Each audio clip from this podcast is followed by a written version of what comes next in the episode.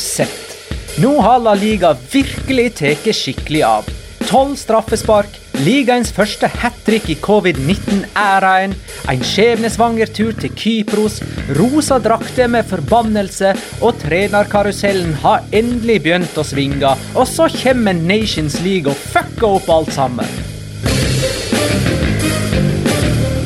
La liga loca. En litt gærnere fotball. Ja, ja, ja. Dette er La Liga Loca, episode 138 av det ordinære slaget med Jonas Giæver, hei. Halla. Mm, Petter Wæland, hei. Yo!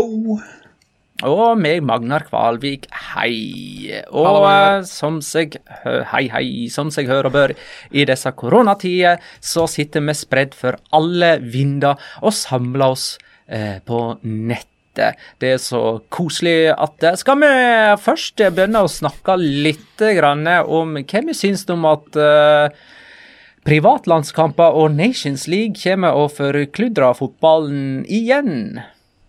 Altså, jeg er eh, Og jeg tar dette igjen. Dette gjorde vi vel òg i oktober, for sånn ca. en måned siden. Eh, Jeg er egentlig glad i landslagsfotball, men jeg syns ikke det passer seg i disse tider. Og skal vi nå spå eh, hvor mange som kommer tilbake fra landslagsoppdrag med covid-19? Petter? Uh, skal jeg komme med tall, da, eller? Siden Eh, vi spår? prosent. prosent. Av alle La Liga-spillere som er på landslagsoppdrag, og som kommer tilbake med covid-19. uh, skal vi si uh, ja, 5 da. 21. Jeg tror ikke det er så veldig mange. Ja, jeg tror ikke det er så veldig mange. 20, eh, hva hva 20 er, er 21, er det antallet? Er det 5% av alle som er på tur?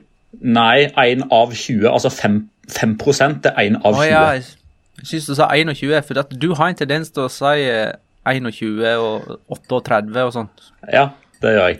Uh, jo, nei, men altså, Jeg er for så vidt enig i de som, uh, som mener at akkurat nå så framstår Nations League som litt uh, unødvendig osv. Uh, men nå skal det jo sies da at eh, i den evige debatten om hva som er viktigst med klubbfotball og landslagsfotball, eh, så er det jo åpenbart at eh, det er jo klubbene som eier spillerne, og så representerer de eh, nasjonene sine. Men vi skal ikke glemme det at eh, den som tok det største skippertaket for å få fotballen gjennom hele forrige sesong, og den første bølga som kom av pandemien, det var landslagene. Det var Uefa og Fifa og de forskjellige kontinentale forbundene som utsatte utsatte mesterskapene sine. De tok en enormt stor bør der. Så jeg skjønner at de på mange måter ikke bare nå igjen bare legger seg rett ned på ryggen og lar seg overkjøre. Eh, Det, det skjønner jeg, for de har allerede ofra ganske mye eh, oppi dette her. Men det er klart at igjen så er man jo i en sånn uh, situasjon der uh, all form for logikk egentlig ikke framstår som så veldig logisk, og omvendt. Og det er igjen et litt sånn et utrådd terreng, en uttråkka sti. Man har ikke noen annen, man har liksom ikke en sånn der eh, covid-19-brukermanual som man bare kan slå opp i, og så på paragraf 312 så står det hva man skal gjøre hvis at det dersom at det. Eh, Jeg vil bare ha med det der eh, at Uefa og CONMEBOL, da, for å ta de først og fremst, utsatte jo et helt mesterskap i et helt år, og tok da på mange måter sin store deler av ansvaret da. Eh, Så at det automatisk skal legges på de igjen, vet jeg ikke om jeg er helt enig i. Så eh, som en takk for at de ikke spredte viruset ytterligere i sommer, kan de få lov til å spre viruset ytterligere nå, i stedet for Nei, det er ikke det jeg sier, er men det, det blir jo like mye spredd på klubblag, Magna. Ja, spesielt med Europacup, da. Ja. Først og fremst. Det virker jo sånn. Eh, og det kan det jo hende at vi kommer til å snakke litt grann om. Men jeg forstår jo Man ser jo i Premier League spesielt da, at trenerne der klager på et veldig tett eh, kampprogram. Eh, jeg har ikke hørt den samme klagen i La Liga, i alle fall ikke i like stort monn, men jeg har en viss forståelse i alle fall for det. OK. Skal vi la La Liga og Locca få oppsummere litt eh, La Liga-fotball?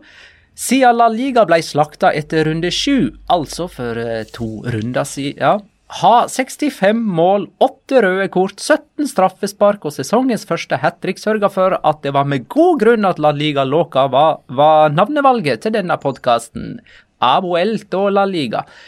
Ja, nei, men det er greit, da kan vi gå i gang med runde ni, kamp for kamp. Den starta med Elche Celta Vigo 1-1. Celta Vigo har fremdeles bare én seier på sine ni kamper, og det var dråpen for Celta Vigo-styret som sparka Oscar Garcia i dag, mandag. Neste trener for Celta Vigo blir den femte på to år, og det blir ikke Marcelino, så vidt jeg har skjønt, Jonas.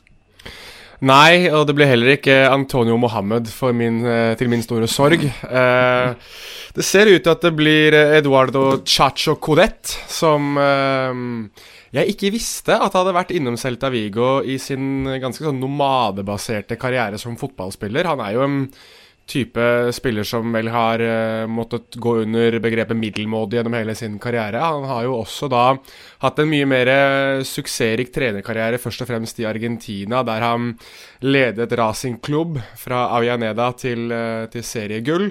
Uh, og har vel nå siden vært trener i Internasjonal i Porto Alegre i Brasil, som er en av de virkelig store klubbene i Brasil. Han uh, kobles nå heftig med jobben, og det er vel flere, med, flere medier nå som melder at det er han som blir den nye treneren. og det er jo et ekstremt spennende bekjentskap. Han har jo, slik som enhver argentinsk trener, blitt nevnt i forbindelse med den argentinske landslagsjobben.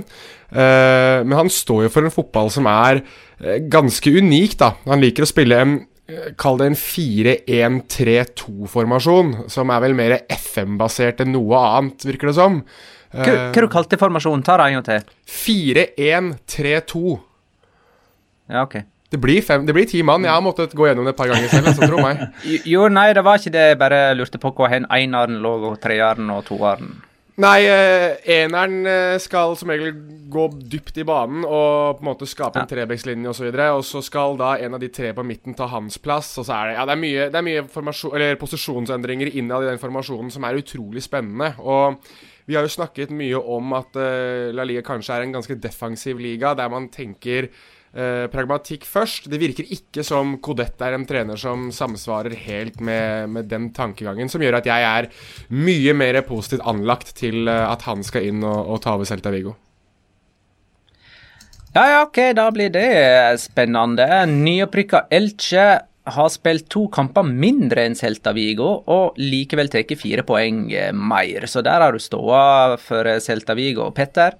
Eh, betyr det, Jonas, at jeg kan tolke deg dit hen at du nå sitter sammen med meg på Celta Vigo og havner på øvre halvdel-toget? Nei, da måtte de ansatte Antonio Mohammed igjen. Det er det eneste okay. som kunne fått meg til å bli med på det. Jeg beklager. Men i så fall så sitter dere sammen med meg om at Oscar Garcia måtte sparkes før Celta Vigo kom seg opp på øvre halvdel. Ja. Den satt, Magnar. Den, Den satt, satt, veldig. Mm -hmm. Den satt. Ok, vi går videre til neste kamp. Uesca Eibar 1-1. Uesca er det eneste laget som ikke har vunnet en eneste kamp. Dette var deres sjette åtte uavgjort på ni kamper. De ligger helt sist, vel å merke med seks poeng i likhet med to andre lag. Jonas? Ja, jeg bare får skutt inn at, uh, som jeg alltid liker å gjøre Oi, kom den første allerede? Er viktig. Jeg må kjøre det tidlig, vet du. Uh, Husker du at jeg nevnte dette med at uh, Rafa Mira hadde hatt en sånn god gammeldags Henke Larsson Erik Edman EM 2004-heading som ble reddet på merkverdig vis for en runde siden? Han hadde jo samme headinga denne gangen, og nå gikk den i mål. Så tydeligvis er det blitt en sånn greie nå med at Rafa Mir er uh, den spanske utgaven av Henke Larsson 2004. Det var en god heading, og Dmitrovic sto en god kamp for Eibar, men mm. der ble han overlista. Eh, Barcelona-Real Betis 5-2. Barcelona hadde fire strake seriekamper uten seier før de tok en trepoenger her. Messi starta på benken, men skåra to etter å ha kommet inn for Ansu Fati, eh, som måtte ut med skade. Eh, Dembélé skåra sitt første ligamål på over ett år, og vi kommer tilbake til Barcelona litt seinere. Sevilla og Sassona 1-0. En sårt tiltrengt ligaseier for Sevilla, som hadde tre strake tap. Eh, Lucas og Campos matchvinner på straffe, hans første mål for sesongen. Vel å merke hvis vi ser vekk fra Uefa supercup-målet mot Bayern. Eh, det var altså på straffe. Han bomma først, men så fikk han ta straffen på nytt fordi at eh, keeper Sergio Herrera bevega seg utafor streken, og akkurat den var ikke pirk, for å si det sånn. Hadde du lyst til å si noe, Jonas? Ja, eh, altså det, Finnes det en spiller i La Liga som er mer aggressivt anlagt når han scorer mål enn Lucas Ocampos? Altså, han, han er så sint, han. Hele tiden. Og det er så gøy Altså Jeg har jo snakket om at han er som en sånn villokse eller et lokomotiv på måten han spiller fotball på. Når han da endelig også får ballen i mål, så Altså, det er så mye aggresjon i den mannen at man nesten skulle tro at han måtte dra på sånn sinnemestringskurs egentlig rett etter kamp. Det er jo så vanvittig å se på. Er, har, kan vi komme på noen som har vært så gæren og så sint på det å skåre mål? Ikke nødvendigvis. Wayne Rooney var skikkelig sint en gang og banna til et TV-kamera og fikk masse Ja, oppmerksomhet for det. Ja. Men han var kanskje ikke så konsekvent. Nei. Nei, ikke, ikke nødvendigvis sint, men lidenskapelig. Da må vi kanskje tilbake til Pippo Insagi. Eh, men apropos argentinere. Eh, Messi har jo av og til litt sånn sintefeiringer. Men Ocampos har det jo hele tida. Det er hver gang. Det er ikke en eneste gang han ikke er bare fly forbanna over å skåre mål, tydeligvis.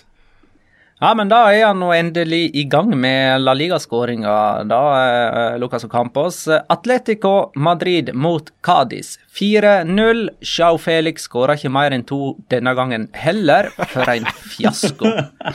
På den mer positive sida skåra både Jorente og Luis Suárez hvert sitt. Herregud, hvor gode de er. De spiller Sjau Felix eh, god. Atletico er fremdeles det eneste laget uten tap, og i neste runde møter de Barcelona på Wanda Metropolitano. Dette var for øvrig første bortekamp uten seier for Cádiz, eh, og det var første gang de slapp inn mål på bortebane etter å ha holdt nullen mot Uesca, Atletic, Real Madrid og Eibar. Mer om Atletico seinere. Getafe Villarreal 1-3. Endelig løsna det borte for Villarreal, som ikke hadde skåra et eneste mål på bortebane før både Paco Alcácer, Gerard Moreno og Manu Trigueros gjorde det her. Eh, Alcácer har nå ni mål på elleve offisielle kamper denne sesongen, og begynner nesten å nærme seg den Dortmund-statistikken han hadde for noen eh, år siden. Villarreal er nummer to på tabellen, et par poeng bak serieleder Real Sociedad. Eh, Skal vi si noe? Vil du si noe om Villarreal? Du skal få lov til å være positiv og, og litt glad, Petter. Jeg får det, uten å bli sett på ironisk og sarkastisk. Jeg skal være helt stille. Ja, nei, det, det ruller jo greit. Det gjør jo det. Eh, og én ting er jo liksom resultatene, men jeg syns spillet er veldig bra òg. jeg lurer på om det var Jorge Valdano jeg, som var sidekommentator hos eh, Movistar. Eh, hvis det ikke var han, så var det Kikken Narvaez, den gamle Atletico Madrid-spissen. Og Han sa at han ikke hadde sett et lag bli så plukka fra hverandre som det Retafe ble på hjemmebane på mange herrens år, siden håper jeg, Barcelona og Real Madrid hadde vært på sitt eh, beste. Og Det er jo greit å ta med seg. så eh, Han har fått sving på sakene, Emeri, til tross for at Gerard Moreno har vært ute med skade. Dani Parejo har vært ute med skade. Francis Coquelin har vært ute med skade. Og man har hatt Man har ikke hatt tøffe kamper i Europa League. Vi har jo vært inne på den gruppa tidligere at uh, Villarreal egentlig er en form for sånn invitational i en sånn Asians uh, League-gruppa i Europa League der, men det er lange bortekamper. Eh, De har jo vært i, eh, i Istanbul og møtt Karabag, som da er en nøytralbane. og Det er den korteste borteturen de har. Eh, De skal tilbake til Tyrkia én gang, og så må de til Israel i tillegg. Så masse kampbelastning og reisebelastning i tillegg, så det mm, Men det snur jo i første kamp etter landslagspausen, for da kom jo Real Madrid på besøk. Men ja, ok. Men nå, eh, før denne helga her, så hadde de ikke en lang bortetur i Europaligaen. Da spilte de hjemme, og det var jo strålende forhold. Det var forhold som passa ubåten perfekt. Eh, Det ble 4-0 der til Viareal. Villarreal. Ja. Det er ikke forsvarlig å spille fotballkamp under de forholdene der. Eller, altså, til og med etter at den banen strengt tatt var drenert, så var det jo ikke akkurat det beste forholdet. Så jeg må jo si at det er Altså, jeg, altså begrepet 'himmelen åpnet seg' er jo, er jo liksom underdrevet hva angår det som skjedde på La Ceramica der. Det var jo noe av det villeste jeg har sett hva angår Ja, det- regnfall. Ja, Der var det demning som brista. Det må jo ha vært noe sånn. Eh, Villarreal er altså nummer to på tabellen, et par poeng bak serieleder Real Sociedad, som slo Granada 2-0. Nacho Monreal og toppskårer Mikkel Oyarzabal med hver sitt eh, mål. Nok en straffe på Oyarzabal, som har skåra i fem serierunder på rad. Han er den første som gjør det for La Real, siden Antoine Griezmann gjorde det i 2013. Eh, Granada var rimelig virusramma, eh, og det blir vi nødt til å snakke litt mer om eh, etter hvert. Eh, Levante Alaves 1-1. Nyrestaurerte Ciotate Valencia sto endelig klar, og Levante spilte i praksis sin første heimekamp for sesongen etter å ha brukt La Ceramica som heimearena, heimearena tidligere. Eh, Lucas Perez skåra for Alaves, Morales for Levante. Litt sånn oppskriftsmessig det der, selv om det var Lucas Perez sin første skåring for sesongen. Valladolid Athletic Club 2-1. Ja, da kan vi skjelle ut Atletic igjen. De trodde de var gode etter seieren mot Sevilla forrige helg, men det var de ikke likevel. Dette var Valladolid sin første seier for eh, sesongen. Uh, og her har Petter sendt oss et spørsmål. Petter, altså mulla Krekar. Oh, ja. eh, Oscar Garcia, førstemann til å bli sparka denne sesongen. Hvem blir nummer to? Eh, og da kan jeg ta Jan André Muraz Hagen som et slags oppfølgingsspørsmål. Er Garitano på vei ut av Atletic Klubb, eller er ryktene om at Marcellino er i samtaler med deg, oppblåst? Jonas? Nå er det jo da eh, han som vi kun omtaler som generalen Ector Gomez, som eh, er jo nummer én på Valencia og tydeligvis har veldig gode kilder inn til Marcellino-klikken, som er den som har eh, breaket dette på i dag mandag 9.11. At eh, Marcellino har sagt nei til Celta Vigo fordi han er eh, i diskusjoner med Atletic om å ta over de istedenfor. Og det syns jeg er utrolig kult. da. Det hadde vært en, eh, en overgang som jeg tror hadde passet ham veldig, veldig bra. og et lag som jeg tror passer hans spillestil veldig godt, i form av det at de skal være mer direkte. Eh, vi, må være, altså, vi må være enige alle mann om at det Gaiska Garetano-greiene må nå avskiltes kjappest mulig, for det begynner å bli så ræva kjedelig å se på det Atletic-laget. Eh, jeg klarer ikke mer å sitte og sette meg ned og prøve å liksom finne en sånn grunn til å se de spille fotball. For jeg blir jo litt sånn positiv når de har de her kampene innimellom, når Berengera scora og Iker Monjain har noen fine detaljer. Og så er det den kampen her da mot Valladolid, hvor igjen Inyaki Williams gjør alt riktig. Han ser også ut til å runde keeper, og så er det en dårlig touch, og det går åt skogen. og Det er liksom Det er så halvveis alt sammen, og jeg tror at uh, det til syvende og sist faller på, faller på treneren. Og da, da er det på tide å bytte. og Hvis Marcelino er ledig, så syns jeg han skal få den jobben. Ja, eh, hånd i hanske og alt sånt. Eh, Marcelino og Atletic det høres jo umiddelbart ut som en suksesshistorie her. At det, det er de riktige ingrediensene for å få en god oppskrift. Fordi Marcelino er jo kjent som en, eh, en kar som, eh, som krever enormt mye av omgivelsene sine. Helt eh, altså enormt strikt på, eh, på fettprosent og på vekt, og at spillerne må være i tipp topp shape både i huet og i beina og resten av kroppen. og det det som, altså Før så skulle det liksom gjøre vondt å møte Atletic. Nå ser det ut som at det er Atlet Atletic som har vondt når de spiller fotball. Eh, og Der er det et eller annet som skurrer. Så Gaditano har jo gått fra å være den treneren i Atletic-historien som hadde et lavest, en, en lavest prosentandel tap i løpet av sitt første år som Atletic-trener. Riktignok veldig mange uavgjorte kamper, men nå er det jo kun fire trenere som har hatt en dårligere sesongstart enn nettopp Gaisca Gaditano, og tre av de endte opp med fyken. Eh, Så akkurat det med at eh, Celta på mange måter tar støyten med å være den første klubben som sparker trener, gjør nok at da kommer nummer to ganske kjapt. Siste kamp denne runden ble spilt på eh, Mestalla. Eh, Valencia Real Madrid 4-1. Hat trick på straffespark av Carlos Soler. Og de tre straffesparkene var de eneste tre avslutningene Valencia hadde på mål. Den fjerde skåringen var nemlig et sjølmål av eh, Rafael Varan. Vi kan gå i dybden på denne kampen her eh, først. Lucas Lucas.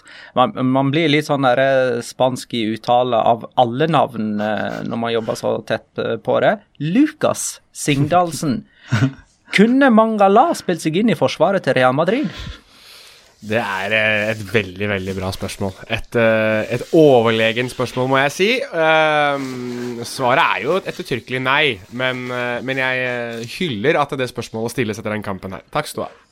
Ja, for Hollekve skriver Rea Madrids forsvar, eh, kolon. Lucas Vasques lager straffe, Marcelo lager straffe, Ramos lager straffe, og Varan skårer sjølmål. Solid defensivt, med et sånn herre En sånn klappe-emoji. Ja, nei, hvor, hvor, hvor skal vi begynne? Uh, jeg har jo egentlig litt lyst til å begynne med Marcelo, jeg, da. Altså, ja, ta statistikken hans, da. Uh, han har gitt oss mye fint, altså. Uh, og når han legger skoene på hylla, så skal jeg eh, være blant de som står høyest på det gjerdet og applaudere. Og jeg kan både kysse krøllene hans og pusse skoene hans og det som er, men nå, nå nå er han ferdig, altså. Han er så ferdig. Han har så lyst til å bare komme seg ned til Copacabana og leve livet. Han og ha grillfester og henge med Ronaldinho. Altså, Han er så ferdig. Og det sier jeg ikke bare pga. at det er 40 meter etterlatt rom hver gang han beveger seg framover på venstrebekken. Men det er sånne helt åpenbare, elementære ting som når at laget ditt har straffespark imot, så skal du stå klar til å løpe inn på retur. Du skal ikke stå med luta rygg med hendene på knærne og se hva som skjer. Jeg tror at det, det som eh, er litt tiltalende for Marcello sin del, er at eh, han hadde jo de tilfellene der, altså typer slike tilfeller før òg, men da satt du jo egentlig bare og venta på at han skulle ta et ride på 30 meter aleine, gå forbi tre mann og banke ballen i krysset, eller spille ballen inn til Cristiano Ronaldo eller Karim Benzema eller hvem det måtte være som var foran der, og egentlig har skapt en scoring på egen hånd.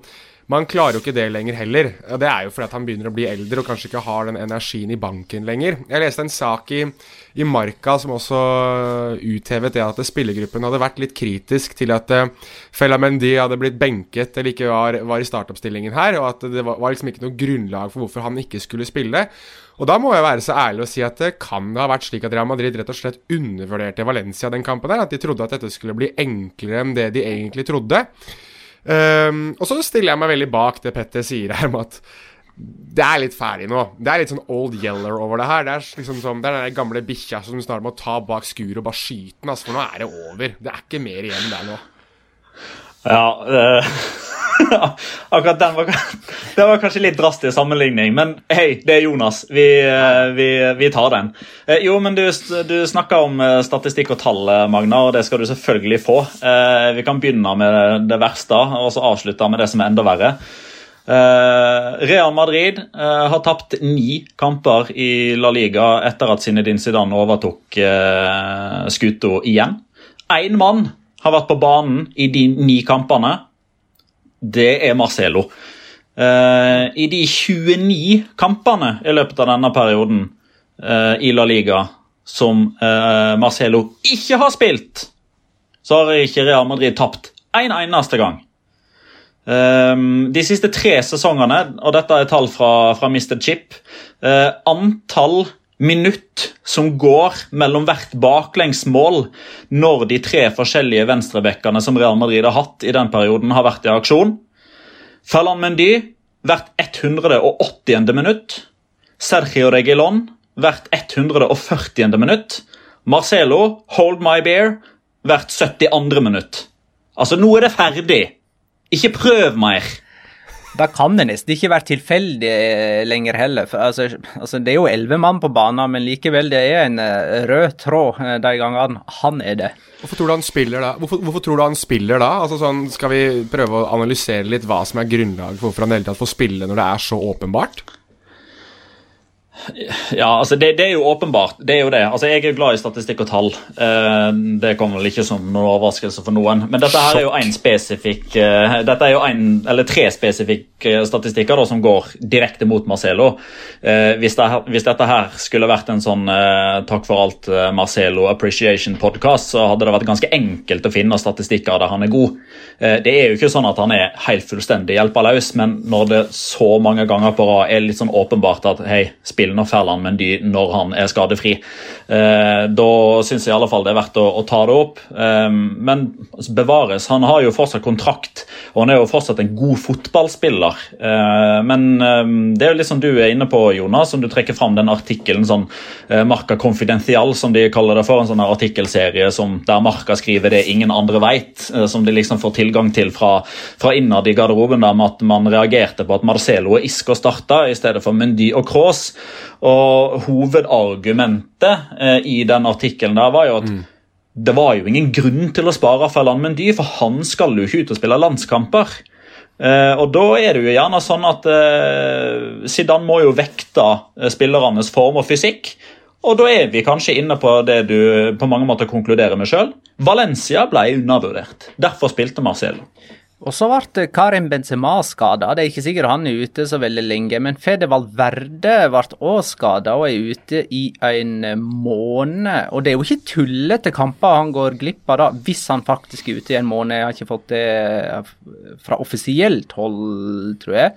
Eh, men hvis han er ute i en måned, så går han glipp av bortekamper mot Villarreal, Inter, Sjaktar og Sevilla. Uh, ja, Ødegaard kom tilbake i grevens tid, da, eller? ja, du kan si det. Nå er det, og dette vet jo du også, at det er jo helt ulike spillertyper. Men mitt poeng, eh, det som jeg hadde lyst til å trekke fram her, er at de skal inn på Ansu Fati litt etterpå. Men jeg tror at skaden på Fede Verde er et større slag til Real Madrid enn det skaden på Ansu Fati er til Barcelona, i, sett i lys av det jeg synes Valverde gir til den midtbanen til uh, Real Madrid. At han er en type dynamisk midtbanespiller som de rett og slett ikke har, og som ikke er mulig å erstatte på den måten. Um, så det blir veldig spennende å se hvordan Real Madrid uh, prøver å, å, sno seg sammen nå. Du er inne på at dette her er et ekstremt vrient kampprogram. Og så syns jeg igjen at det er en understrekelse av denne Jekyll and Hyde-greia deres. At de så tidvis veldig gode ut mot Inter og vant den kampen, altså den der kniven på strupen-kampen. Og så noen dager etterpå så bare faller de helt fra hverandre når de møter, uh, møter Valencia av alle lag. Da. Og da lurer jeg også litt på om den der bredden i troppen deres ikke er så god, egentlig. Om de som er nest best, er altfor langt under de som er best. Um, så det er plutselig blitt en del spørsmål man må stille rundt det der Real Madrid-laget, og også hvorvidt de har den motivasjonen som skal til da, for å uh, spille de, de viktige ligakampene. Om de bytter på sånn ene sesongen så skal de være La Ligas beste lag, neste sesong skal de være Champions Leagues beste lag. Det er litt sånn Du får ikke pose og sekk med laget, da, for å si det sånn. Eh, Chris Robin Eriksen eh, skriver Real Madrid har spilt i rosa drakter denne sesongen ved tre anledninger. Det har gitt følgende resultat. Manchester City 2-1-tap. Cádiz 1-0-tap. Og Valencia 4-1-tap. Eh, Robbie Kaia skriver de rosa draktene er det verste som har skjedd i 2020. Punktum. Ja, vi er inne på draktene. Vi... Det, er meg, det er mitt felt, det her, ja. Uh, ja her holder jeg meg langt unna. Nei, jeg, jeg syns ja. de rosa draktene er kule, jeg, da. Jo, men de tapper uh, hver gang de spiller i rosa draktene. Så det å mikse de rosa draktene med Marcelo på banen samtidig, er jo dødsdømt, da. Eh, dette, jo, dette, er jo nesten en historisk seier for eh, Valencia, som aldri har sleget Real Madrid med mer enn 4-1. og Dette var første gangen siden 1946 at de vant med sånne siffer. Carlos Soler, altså den første som skåra et La Liga-hat trick i covid-19-æraen. Mats Kaggestad fanpage skriver på en skala fra Peter Lim til Mukhtar Diakabi, hvor høyt verdsetter Jonas Carlos Soler? Den skalaen er ikke stor. Den er, går fra null til null, antagelig. Men hvor, hvor høyt verdsetter du Carlos Soler? Nei, uh, mye, mye Diakabi og Limitzer, det er helt greit, det. Men Carlos Soler, altså for å være litt alvorlig, altså det er jo en av de spillerne som har gått gjennom Paterna, som man mener at uh, liksom han setter nærmest hjertet sitt som Valencias supporter, og at han er en type som anses som en lederstjerne i årene som kommer for Valencia. At det er jo også Og jeg tror det var Magnus Bernstrøm som skrev det på, på Twitter, at han har jo da også eh, tatt i arv det der greiene til Carlos Soler med å skyte ræva straffer, men på en eller annen merkelig måte så går de i mål. For det gjorde han i hvert fall ved to anledninger her. Dani Parejo, mener du? Ja, hva, hvem var det? Arven til Dani Hvem sa jeg? Ja, jeg jeg syns du sa arven til Carlos Soler, oh, ja. men jeg, det kan godt hende at jeg hørt feil. Ja, det kan godt hende jeg tok feil der. Men fall, han har arvet det etter uh, Dani Parejo. Og hvor, hvor høyt jeg setter han? Ja, nei, jeg setter han skyhøyt, jeg, er sammen med både Jonas Mossa og, og ikke minst Gaia i den kampen her, som jeg synes er strålende tidvis også. Hva kan det ha betydning for Valencia, dette her? da? Skal de liksom bli gode nå, eller skal de tape neste kamp borte mot Alaves? Nei, de skal tape. De skal jo tape, ja. Det er jo ikke snakk om annet. Dette her er jo Dette er, dette er toppen av sesongen til Valencia. Det, det, og, det er, og, det tror jeg egentlig det hadde vært nesten uansett. Altså Det å slå Real Madrid 4-1 på hjemmebane, som du sier, det har ikke skjedd uh, siden like etter krigen. Og da Uh, regner jeg med at i den tid at det er en internkrig i Valencia også, så må man nesten anse dette som den der ene lille uh, halmstrået de kan holde seg fast til uh, denne sesongen. Men samtidig så Selvfølgelig, det gir jo også en litt sånn form for bekreftelse til det prosjektet som Havi Gracia prøver å istandsette, til tross for at de er så jævlig ræva inne på, inne på Mestaya-kontorene. Um, så man smiler nå, og så blir man sikkert slått ordentlig ned på jordet igjen i den neste seriekamp mot Alaves. Eh, jeg kan ta og nevne det Chris Robin Eriksen eh, skriver eh, her. Bare sånn for moro skyld. Eh, var involvert i alle fire mål for eh, Valencia. Eh, der vil jeg bare påpeke at VAR er involvert i absolutt alle mål skåra av absolutt alle klubber. Eh, for videodommer skal vurdere alle skåringssituasjoner, alle straffesituasjoner og potensielle straffesituasjoner, og alle røde kort-situasjoner og potensielle røde kort-situasjoner. Så ingenting nytt under sola akkurat der. Men vi kan jo likevel diskutere den der straffe... Eller ja, et par situasjoner, kanskje. Men den første straffen, da. Der eh, Carlos Soler altså først bomma, og så skåra Jonas Mossa på returen. og Så viser det seg at han er innafor 16 eh, og Så får eh, Valencia ta straffen på nytt. Det var jo en del som stussa over det der. Skal regelrytter Petter få ordet, eller har du lyst til å si det, Tare, Jonas? Nei, jeg skulle egentlig spille opp Petter på det. Fordi jeg fikk også en del spørsmål rundt hvorfor skal den straffen tas på ny? Og da er det vel Jeg antar at Petter kanskje har svar her, men er det det at Rafael Varan lener seg innover feltet? Uh, både ja og nei. Uh, altså, straffen tas på nytt pga. at begge lags uh, spillere bryter regelverket. Ja. Altså, Yunus Mosa er for tidlig inn, og Lukas Vaskes er for tidlig inn. Imot... Og Der må jeg bare få skyte inn at Lukas Vaskes er den som lager straffesparket i utgangspunktet. Ja, så double fault. double feil i, i, tennis der.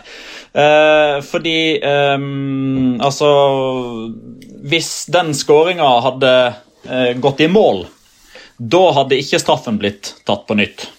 Men i og med at den ble bomma, så skal det tas en vurdering. Eh, fordi begge lags eh, spillere er innenfor. Og det, eh, I motsetning til hvordan man måler offside, så har jeg forstått det sånn at da har det ingenting å si at du lener deg inn. Altså F.eks. Marcelo. da, altså Krøllene hans er jo langt innafor, men det er jo fordi jeg, håret hans er en halvmeter høyt eller langt når, når han står og, og, og bøyer seg inn. Du må ha foten akkurat innenfor 16-meterstreken, og tuppen på skoen til Lukas Vaskes er akkurat innenfor. og Derfor blir straffen tatt på nytt igjen, pga. at det er begge lags spillere som, som, bryter regelverket, og ingen av de typ, bryter det mer enn noen andre. Altså Du kan ha tilfeller der begge lags spillere løper inn for tidlig, eller eh, keeper går for tidlig, og straffeskytteren eh, faker i tilløpet. Eh, da kan man ta en vurdering på hvem som har det største overtrampet, men her er det svart-hvitt. Begge lag hadde spillere innenfor. Straffen tas på nytt. Og så uh, hadde du den uh, situasjonen Den målet som Varan skåra i, i eget bur, for å si det sånn. med det viste jo seg at den ballen var over streken, men uten mållinjeteknologi til hjelp, da. Frank Sande Fet skriver hva er grunnen til at La Liga ikke har mållinjeteknologi, og istedenfor må sjekke om ball er over linja eh, ved hjelp av video. Det tar ufattelig mye lengre tid enn hvis du sammenligner med Premier League f.eks., der jeg bruker eh, Ja, der mållinjeteknologi eh, blir brukt, da. Petter har lyst til å svare. Uh, med fare for at jeg husker feil lag, men ring Sheffield United og spør hva de syns om det. Ja, hva var det som skjedde der egentlig? Det var det at en... Nei, Der, der svikta jo systemet. Ballen var innenfor, systemet svikta, og man stoler 100 på systemet. Så det gikk ikke engang VAR inn og sjekka.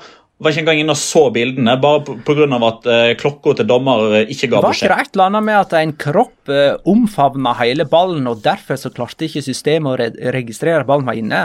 Kan godt være at det var det, men jeg, jeg vil uh, ha det på det tørre at uh, vår landslagskeeper Ørjan Nyland gjorde ingen feil. Ballen var aldri inne, målet ikke gitt.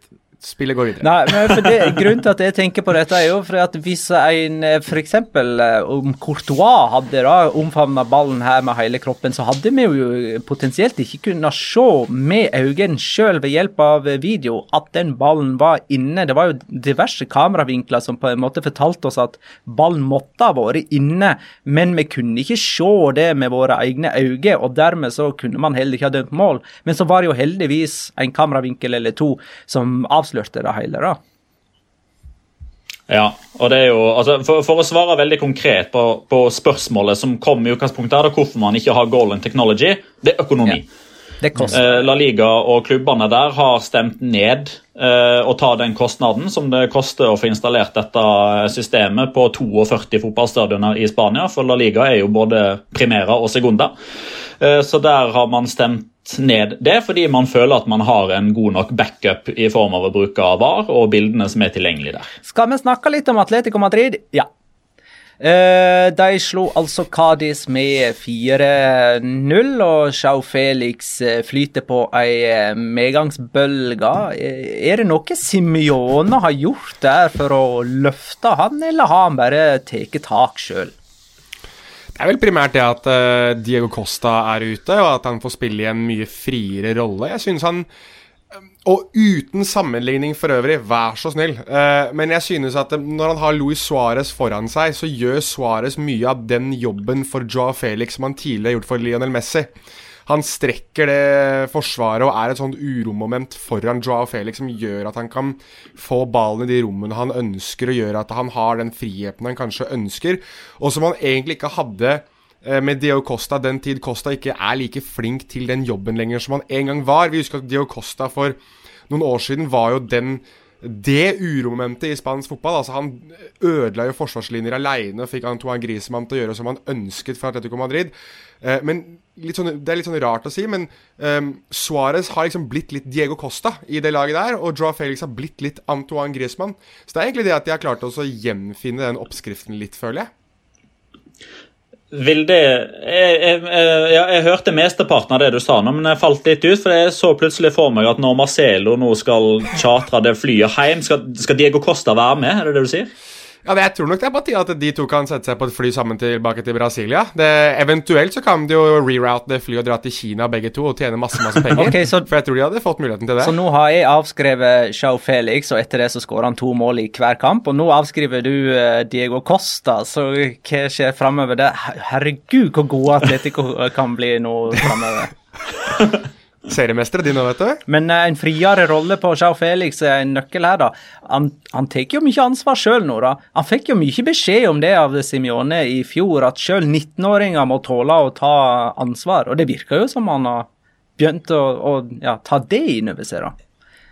Uh, VO skriver det vil si at evig blaugrana, heter han på Twitter, er Atletico Madrid Du fikk lage han på? Hæ? Altså, jeg, jeg, lurer på hvilket lag han heier ja, på. Ja, det lurer jeg på. Er Atletico Madrid favoritter i tittelracen nå? Hvorfor, eller hvorfor ikke? Åh, den er, den er eh, Det er liksom litt som med Atletico Madrid, da. At nå har de en 4-0-kamp, slik som de hadde en 5-1-kamp mot uh, Granada, og så er det en eller annen sånn Ja, 6-1 til og med. 6-1, ja. Jeg vet ikke hvorfor jeg tror hele tiden at det er 5-1, men jeg, det er to, andre gangen nå på to episoder hvor jeg driver og driter meg på det. Men de har en 6-1-kamp eller en 4-0-seier, og så går det to runder hvor de har to skuffende kamper og ikke skaper en eneste målsjanse. Så jeg klarer ikke å svare på, mm, på det riktige ennå. Men jeg, jeg, tror de har alle ingrediensene som skal til for å være det. Uh, så er det vel, veldig mye av det opp til dem selv, da, for de får det jo servert her, tror jeg, hvis de, ønsker, hvis de selv ønsker det, på en måte. da. Um, for jeg tror at uh, både Barcelona og, og Real Madrid kommer til å avgi veldig mye poeng. Og jeg tror det spennende nå blir Eh, den kampen mot Barcelona som kommer nå, eh, på Wanda Metropolitane. For der tror jeg du kan få det endelige svaret på det spørsmålet der.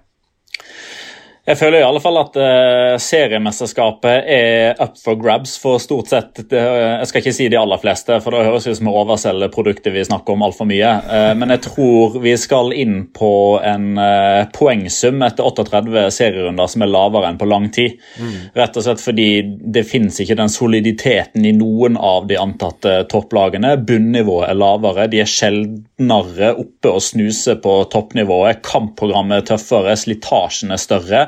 Overraskelsesmomentene er flere, usikkerheten er større. Eh, men da, da begynner jeg liksom å bli litt frista nå til å eh, å legge flere og flere egg i Atletico-kurven, rett og slett pga. at det er Simione som driver og kjeppjager disse her spillerne rundt og holder dem på tå hev. Og egentlig sånn sett i lys da av eh, Nå har jo dette blitt en sånn føljetong for oss, eller kanskje først og fremst meg, som driver og trekker det fram i tide og utide. Men hvis, liksom, eh, hvis eh, temperaturmåleren til de tre store klubbene skal være hvor gode Griezmann, Hazard og Joao Felix er, så er det jo badstuetemperatur i Atletico Madrid nå, mens det, er, det fryser til is i, i Madrid og, og Barcelona. Eh, Sven skriver blir dette første sesong siden 08-09 at Pichichi ikke går til en Barcelona- eller Real Madrid-spiller. Og det er en grunn til at jeg spør, stiller det spørsmålet akkurat i Atletico Madrid-segmentet vårt, da, apropos det Petter nettopp sa. Dette her, her skal vi svare. Her skal vi ta runden. Eh, og vi skal skrive ned og summere opp igjen eh, ved sesongslutt. Jonas har hånda i været. Ja, men det er jo Vi har jo Du har kanskje tallene på det òg, eller uh, svarene våre der. Vi hadde jo det derre Hvem skårer flest av Ansu Fati Luis Suárez? Og eh, det må jo sies nå at det, man må jo få litt amnesty her, da, den tid Ansu Fati faktisk er ute med skade. Uh, en del av gamet her er å holde seg sko... Nei, nei, nei. En del av gamet er å holde seg skadefri. Ja, for du er den eneste som hadde Louis Suárez av oss tre, eller? jeg hadde Louis Suárez. Nei, jeg, jeg tror Petter, Petter svarer like mange. Mens jeg hadde Louis Suárez, og ah. du, Jonas Ansofati. Ansu Ja, det stemmer det. stemmer det. Jeg kjørte uavgjort. Litt amnesty må vi vel kanskje gi uh, de som hadde Ansu Fati. Ja, se litt, her, da! Ro, ro, ro din båt, du, da. Det der uh, nei, skal, må, du, må du henge på. Jeg har jo, jeg har jo Ansu Fati. Um, Men altså, litt av på, jeg, jeg er enig med Petter. Ja. Uh, litt av poenget er å spå hvem som klarer å holde seg skadefri. Uh, og der spådde ja, ja, jeg tydeligvis Luis Suárez, og har jo så langt rett, da.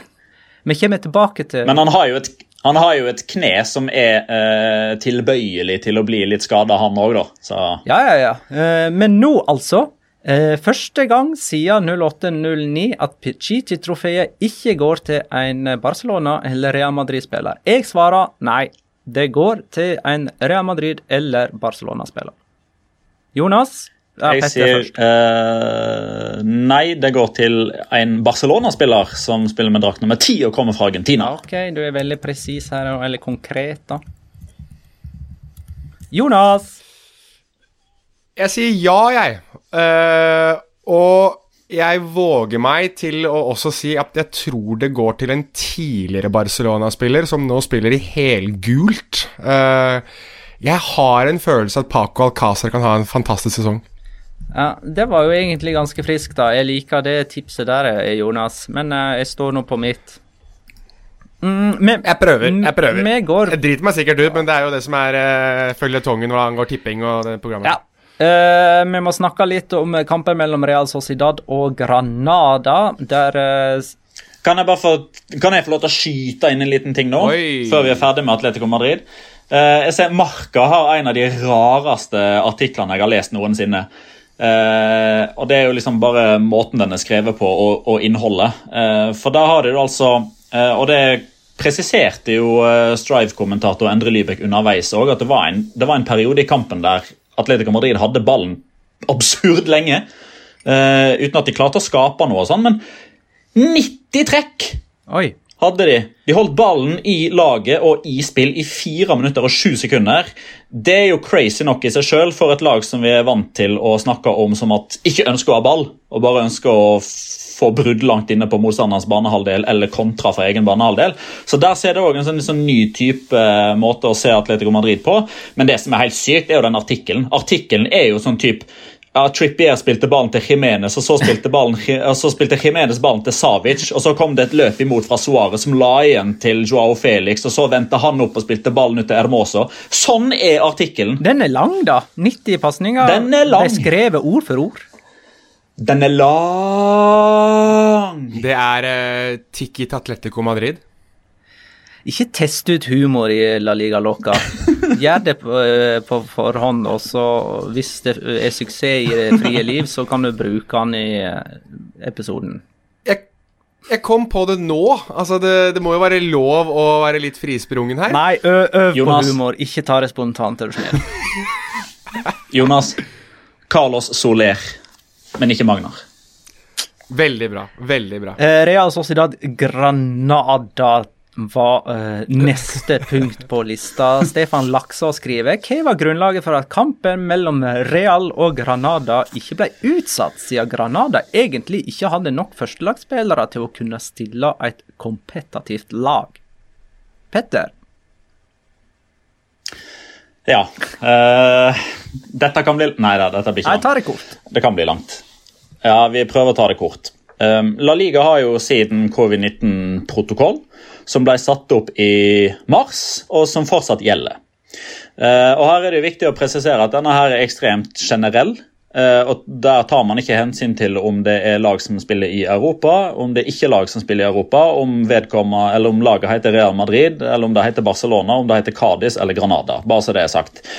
Eh, det som er greia her, er jo at eh, Granada nå i løpet av de siste eh, to ukene har hatt elleve forskjellige positive tester. Enten i spillertroppen eller i trenerteamet eller blant delegatene, altså de som er med på tur. Dette kulminerte i en foreløpig siste dobbel positiv test som fant sted i forbindelse med reisa til Kypros eh, når de spilte borte mot Omonia Nikosia på torsdag. Eh, Og Det som gjør at akkurat dette tilfellet med Granada skiller seg fra f.eks. For å ta et annet eksempel, da. Real Madrid. altså Eder Militao har testa positivt, Casemiro har testa positivt, Eden Hazard har testa positivt. Men de har alle blitt plukka ut med en gang den positive test, eh, testen kom tilbake igjen, så ble de fjerna fra de andre, isolert med en gang. Det som er forskjellen her, er at Antonio Puertas, høyrekanten til Granada, og delegaten, som heter Manuel Lothena, de testa begge positivt i Kypros mens de var på tur, hadde vært på et privatfly der resten av Granada-troppen var. Så der fikk man rett og slett ikke isolert de i tide til at man kunne følge den vanlige covid-19-protokollen til La Liga. Derfor ble dette et sånn ekstraordinært tilfelle der resten av troppen som hadde vært i Kypros, måtte i karantene. De måtte i karantene og kunne derfor ikke reise til San Sebastian. Eh, Det er jo årsaken til at Real Madrid sine covid-tilfeller blir behandla på en annerledes måte enn Granada sin. Og så ønsker jo Granada da naturligvis å sjekke ut muligheten for å få utsatt eh, denne kampen, her, som de har lov til én gang i løpet av La Liga-sesongen. Man kan utsette en kamp én gang. Hvis man må gjøre det to ganger, så taper man automatisk kamp nummer to. Men de ville allerede nå benytte seg av sin mulighet til å utsette en kamp. Eh, Og Det gjorde de på grunnlag av at de eneste spillerne som fikk lov til å reise til San Sebastian av La Liga, var spillere som kunne påvise at de hadde antistoffer, altså at de hadde hatt korona tidligere og dermed nå per definisjon framstår som immune og ikke kan smitte videre. Eh, Dette var sju spillere i A-troppen til Granada. eh, I tillegg til Maxim Gonalons, men han var suspendert og kunne ikke spille. så han var ute av regnestykket. Og i det generelle La Liga-reglementet Hold covid utenfor nå. I det generelle La Liga-reglementet så står det eksplisitt at du til enhver tid må ha sju spillere på banen i en La Liga-kamp fra A-stallen, som har drakt nummer 1 til 25. Der hadde Granada sju. Så La Liga og det spanske fotballforbundet mener at her har man faktisk nok spillere til å kunne fylle på med B-lagsspillere til at man kan reise til San Sebastian og spille kampen. Og Så forsøkte Granada seg med en sånn plussvariant der de mente at både Jorge Molina og Kennedy hadde skader, andre typer skader, altså skavanker, fysiske smerter, vondter, som gjorde at de ikke kunne spille kampen. Og de trakk også fram at Roberto Soldado hadde nettopp vært i isolasjon pga. covid-19-smitte og ikke hadde trent på 17 dager. Så Granada mente at de kun hadde fire spillere tilgjengelig, mens La Liga og det spanske fotballforbundet mente at de hadde sju. Og derfor ble kampen spilt. Hvor mange starta de med? Sju. Ja, Og så tok de ut noen underveis. Ja, de tok ut to. Eh, og Det er faktisk et veldig viktig poeng her, fordi da har jo Granada egentlig brutt reglementet. For det må være sju til enhver tid. Sju til enhver tid. Men så står det òg i et nytt uh, appendix som har blitt uh, sendt ut, altså en, en, oppdatering, at skulle det uh, oppstå en såkalt koronasituasjon, så kan det gå ned til fem.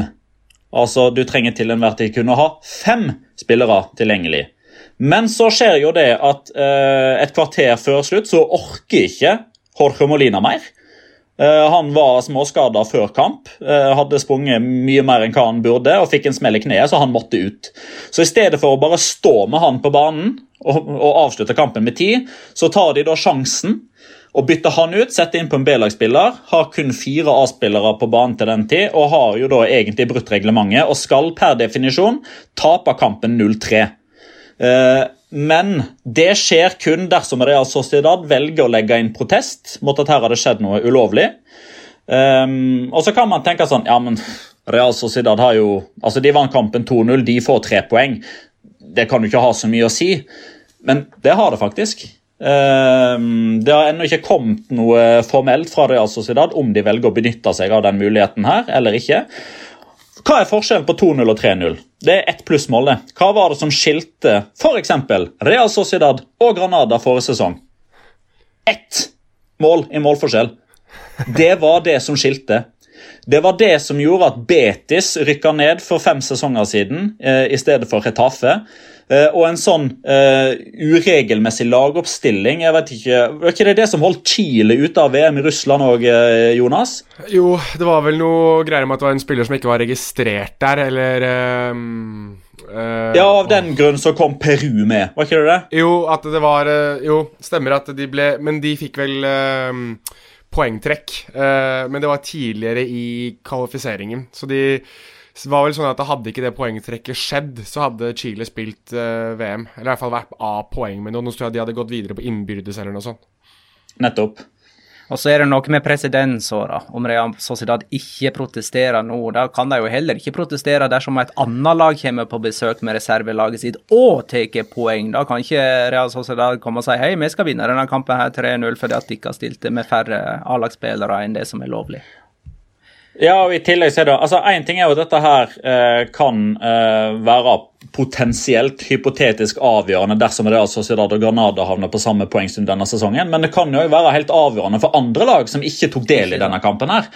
La oss si at Granada havner på 17.-plass og Levante havner på 18.-plass og Granada eh, og Levante har uavgjort innbyrdes, og det skiller ett mål i Granada sin favør der. Da rykker faktisk Levante ned, fordi Real Sociedad ikke gjorde det man strengt tatt skal og bør gjøre i en sånn situasjon, hvis de velger å ikke eh, klage. da. Men vi gratulerer nå uansett Real Sociedad med seier i eh, kampen. De toppa altså tabellen. De har bare sluppet inn fire mål på ni seriekamper. Her holdt de jo nullen takket være Alex Remiro som redda straffe.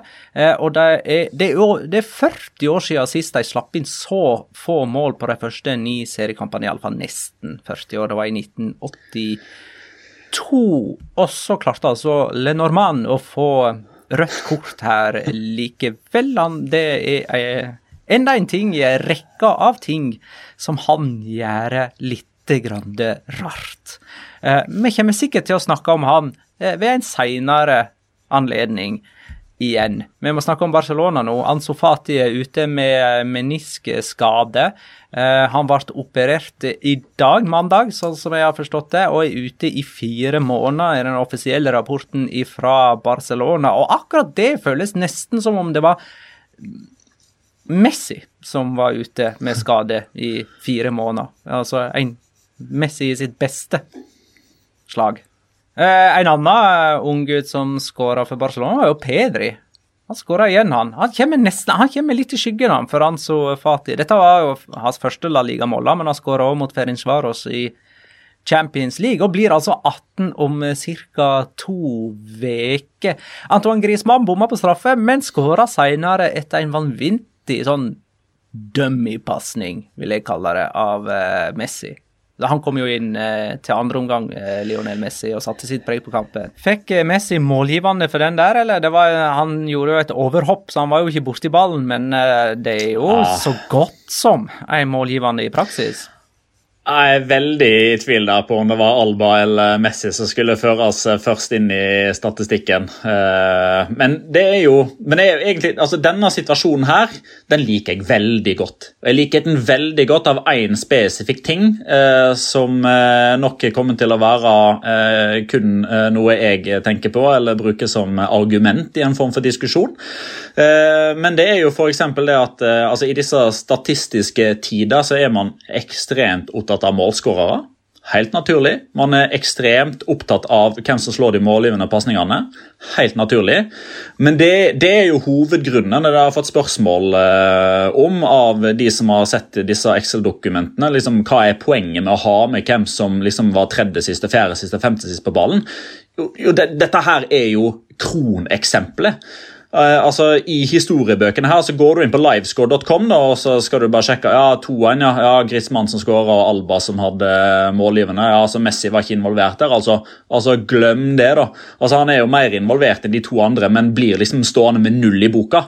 Derfor skal sånne ting òg inn i både Excel-skjemaer og uh, algoritmer og you name it. Eh, han skåra ett mål på straffe og endelig ett mål i åpent spill i eh, denne andre omgangen. Lionel Messi, Geir Halvor Kleiva spør er med Messi til å skåre flere mål på straffa enn i åpent spill denne sesongen. Hvordan er statistikken nå? 5-1, er det det?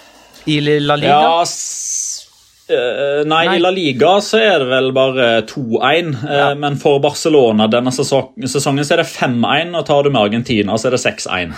Seks på straffe, én i åpent spill. Og la oss si han skåra sånn 24 mål, som vil være anstendig og ganske tett på uh, fjorårets sluttresultat for hans del. Så det er ikke usannsynlig at tolv av dem er straffe. ja ja, vi får nå se. Eh, Real Betis fikk rødt kort her. Det var deres fjerde denne sesongen. Og de var altså eh, laget som fikk flest, eh, flest, røde kort forrige sesong, med ni. Og er på god vei i år òg, da. Men uh, Magnar, uh, du har fått litt, uh, litt fortjent tyn for Joao Felix de siste to ukene. så Derfor syns jeg at du skal få lov til å skinne litt òg. Mm -hmm. skal du ta det, eller skal jeg ta det? Denne Messenger-samtalen mellom deg og meg og Magnus IO, eller OI. Inger?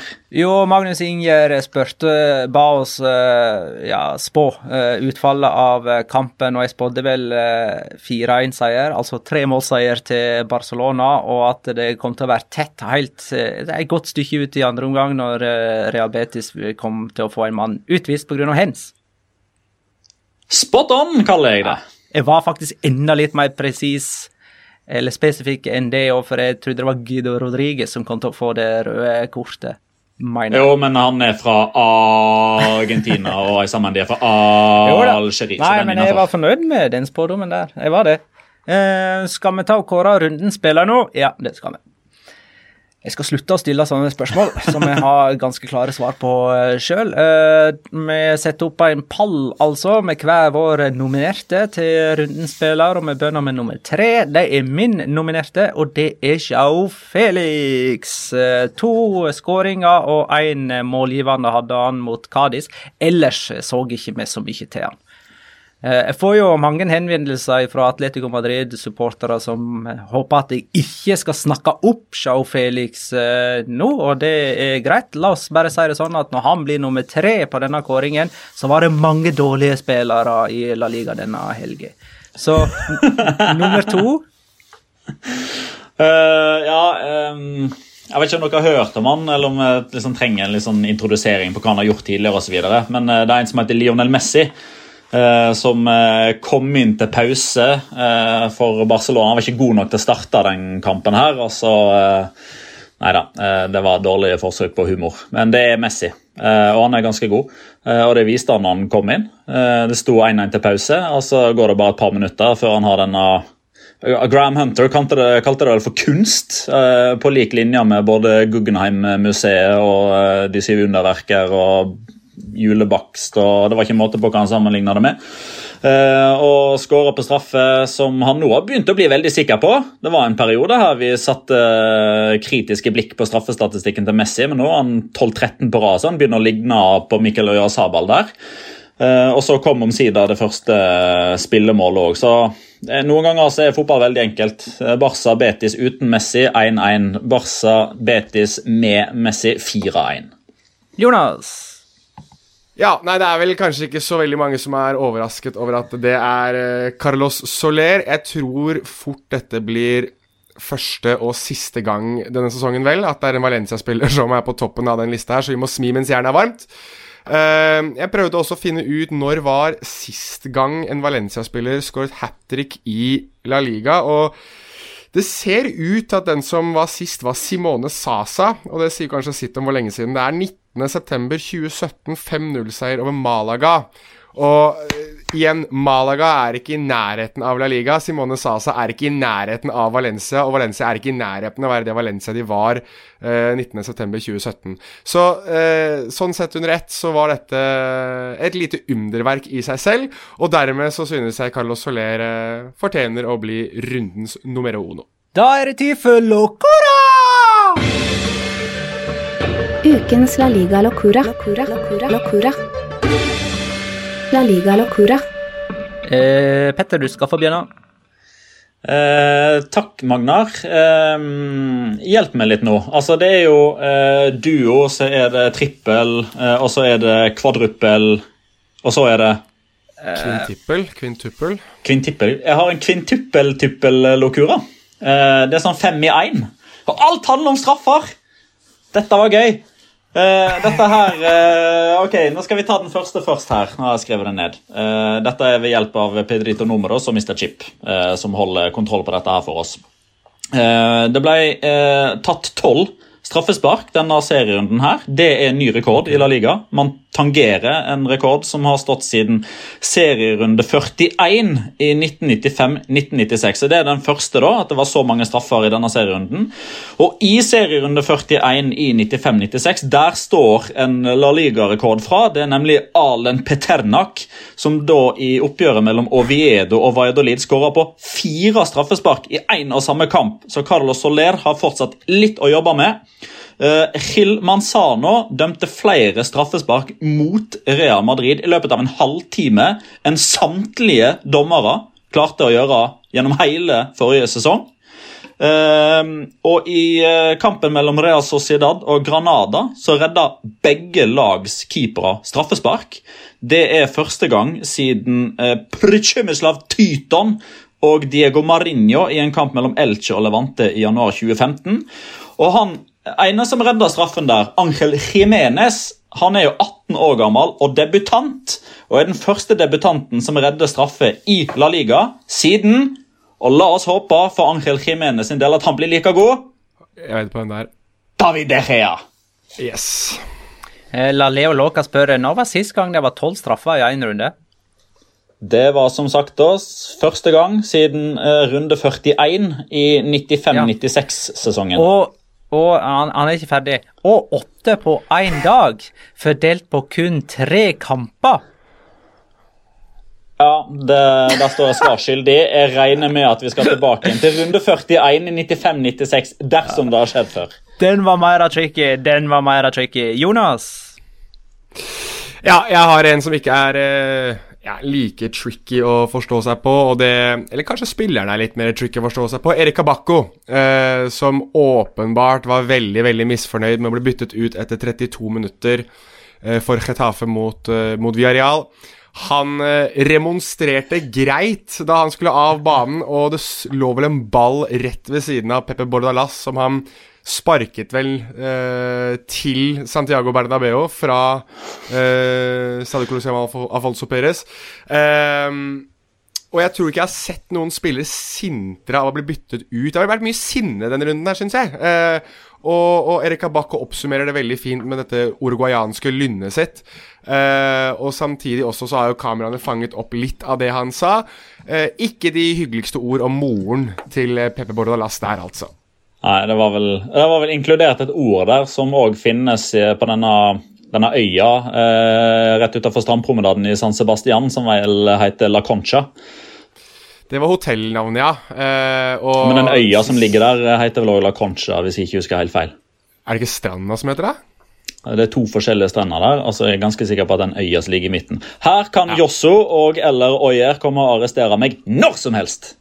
Uansett så eh, var det ikke hyggelige ord som ble sagt. Kan vi ikke bare bli enige om det? Ja.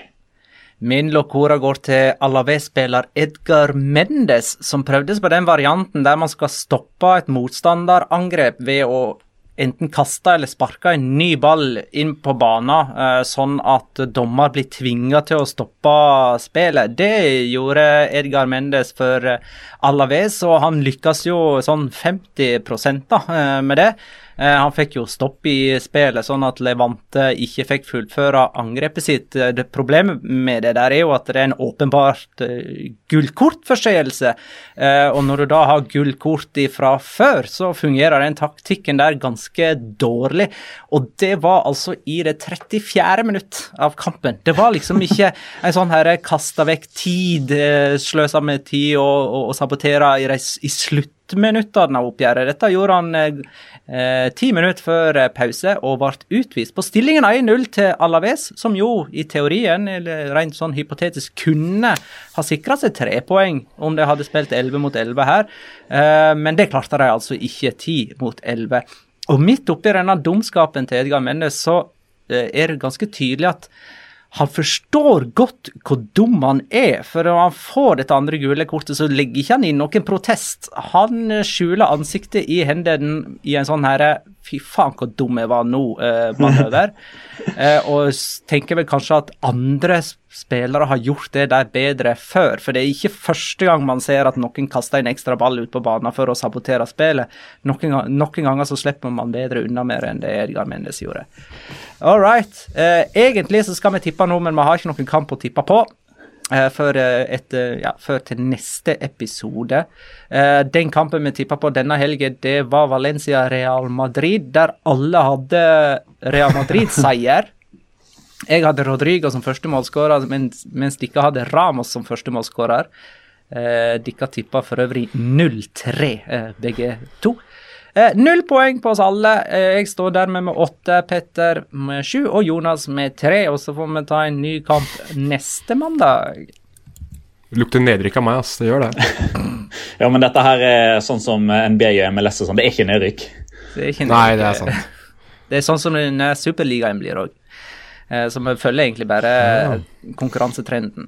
Nei, men da takker jeg for alle innspill og eh, for alle spørsmål vi har fått. Tusen takk for at du lytta, kjære lytter. Ha det, da.